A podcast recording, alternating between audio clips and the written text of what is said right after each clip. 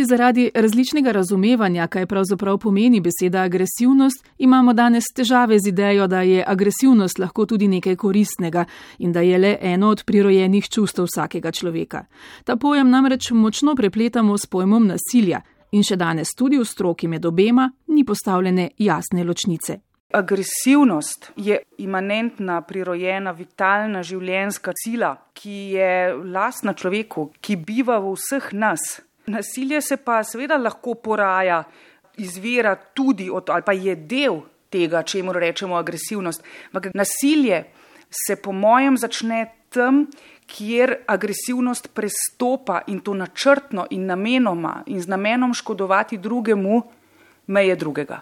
Skuša razliko opredeliti ustanoviteljica in vodja Family Lab Slovenija Ivana Gradišnik, ki opozori na pomembno vlogo človekove agresivnosti. Agresivnost je tudi temelj samozavesti, zmožnosti postavljati cilje, dosegati reči, za katere mi je mar. Zato, da se jaz lahko uprem nasilnemu šefu, manipulativni ženi, sošolcem, ki me maltretirajo, potrebujem določeno mero agresivnosti. Torej, mi s tem, ko prepovedujemo otrokom, da bi se naučili izražati tudi ta del čustvene palete, ljudem, človeškim bitjem pravzaprav onemogočamo, da bi polno zaživeli. Pri ločevanju, kdaj je zdrava in konstruktivna agresivnost preseže mejo, je pomembna tudi starost osebe. Predšolskih otrok praviloma ne moramo imenovati za nasilneže kar se dogaja v konfliktih v tem obdobju do 5-6 leta, je agresivnost, ki še ne moramo reči nasilje, ker ne vsebuje tistega premišljenega, namenskega motiva škodovati drugemu. Dveletniki grizajo, dveletniki praviloma grizajo iz dveh razlogov. Ali zato, ker so frustrirani, ker kratko malo nimajo govornega aparata, s katerim bi lahko izrazili tisto, kar čutijo in ne znajo, ne morejo, ali pa zato, ker so tako zelo vznemirjeni in srečni in zadovoljni, imajo nekoga tako zelo radi. Vsekakor noben izmed teh povodov ni razlog, da bi otroka kaznovali ali pa uštevali. To je popolnoma nesmiselno, to je noro pač pa poskusimo z otrokovi starosti primernim načinom izvedeti, kaj je tisto, kar je hotel povedati, le da na napačen način. Saj je bilo to v resnici le iskanje izrazne poti. Temu se reče socializacija. Dokler me nekdo ne lopne in dokler ne vidim, da to boli in da to ni fajn, do takrat ne morem vedeti, kako je drugemu, kadar ga jaz lopnem. In veliko boljše, če se otroci tega lahko naučijo v prvih petih, šestih letih življenja, kot pa če morajo te stvari spoznavati, mislim, pri desetih, petnajstih ali pa dvajsetih ali pa nkol. To je dolgoletni proces, dodaja psihologinja na Mariborski osnovni šoli Martina Konšaka Nina Babič. Potrebuješ celo otroštvo, da se naučiš predelovati agresivnost v konstruktivno, torej v takšno, ki ne škoduje ne samo drugim, ampak tudi sebi samemu torej avtoagresivnost oziroma avtodestruktivnost, samodestruktivnost in pa nasilje prideta po kar nekaj leti preigravanja agresivnosti na nekonstruktiven način. Tako da čas dati otrokom, da se naučijo predelovati agresivnost, potrebujejo pravzaprav celo otroštvo. In tega pogosto poleg staršev ne razumejo niti pedagoški delavci. Tudi naša sogovornica, mama dveh otrok, je kljub pedagoški izobrazbi in večletnemu delu z otroki pri vzgoji lastnih ponovila vzorce iz otroštva. Krivdo in odgovornost za agresivne izbruhe pri svojem otroku sem jaz vedno prelagala na njega. Tako kot so prelagali name moji starši, ko sem bila jaz otrok. Mislila sem, da je on poreden, da je pač neukrotljiv, da je neuzgojen in uh, ker sem čutila veliko odgovornost za to, da ga kot mati dobro vzgojim in socializiram, sem vsak njegov agresiven izbruh doživela kot lasni poraz. In njen najobičajnejši ukrep je zato bil? Običajno sem ga poslala v drug prostor, v sobo, ali pa sem šla jaz iz prostora ker nisem zmogla biti v stiku z agresivnostjo, ki jo je on izražal. Tako osamitev je še vedno razumela kot boljši ukrep od tistih, ki so jih imeli drugi starši ali še huje, kot jih je srečevala v vzgojno-varstvenih ustanovah, s katerimi je sodelovala. Otrok se sicer morda ne tepe več tako, kot so se teple generacije otrok pred nami, ampak še vedno se jih kaznuje tudi na zelo škodljive načine. Recimo to, da se otroka ponekod še vedno kaznuje tako, da se ga zapre v stranišče, da se ga osami, izolira. To, da se otroka na silo odpelje v sosednjo skupino z besedami, kar poglej, kako so dojenčki pridni. To, da se otroke disciplinira z ustrahovanjem, to ni ok. Torej, dojela sem, da se po vseh mojih izkušnjah doma in v vrtu odrasli na otrokovo agresivnost odzivamo žal nasilno. Že vsak izbruh jeze se v štartu zatre.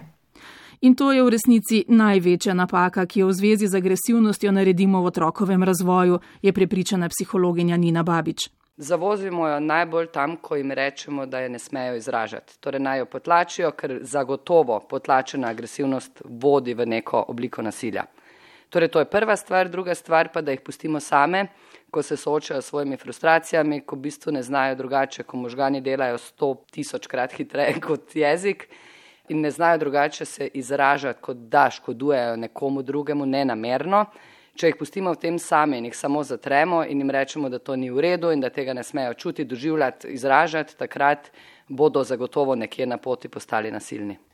Čeprav je pomemben vir učenja napačnega usmerjanja agresije seveda predvsem družina oziroma okolje, v katerem otrok živi, pa nikakor ne smemo spregledati velike odgovornosti pedagoškega osebja in doktrinu v vrcih in šolah.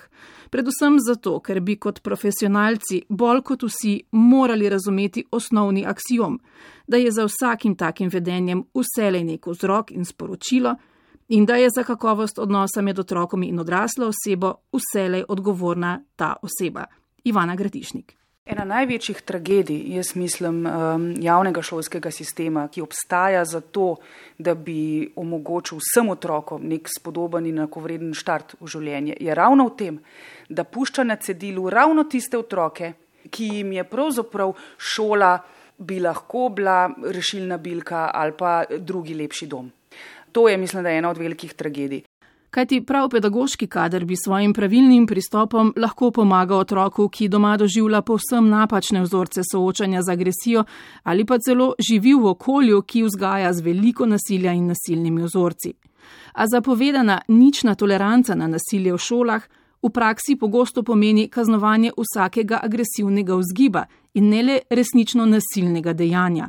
Razumevanja, da je za vsakim takim otrokovim dejanjem vselej globi razlog oziroma stiska, pa je pogosto zelo malo, priznava šolska psihologinja Nina Babič.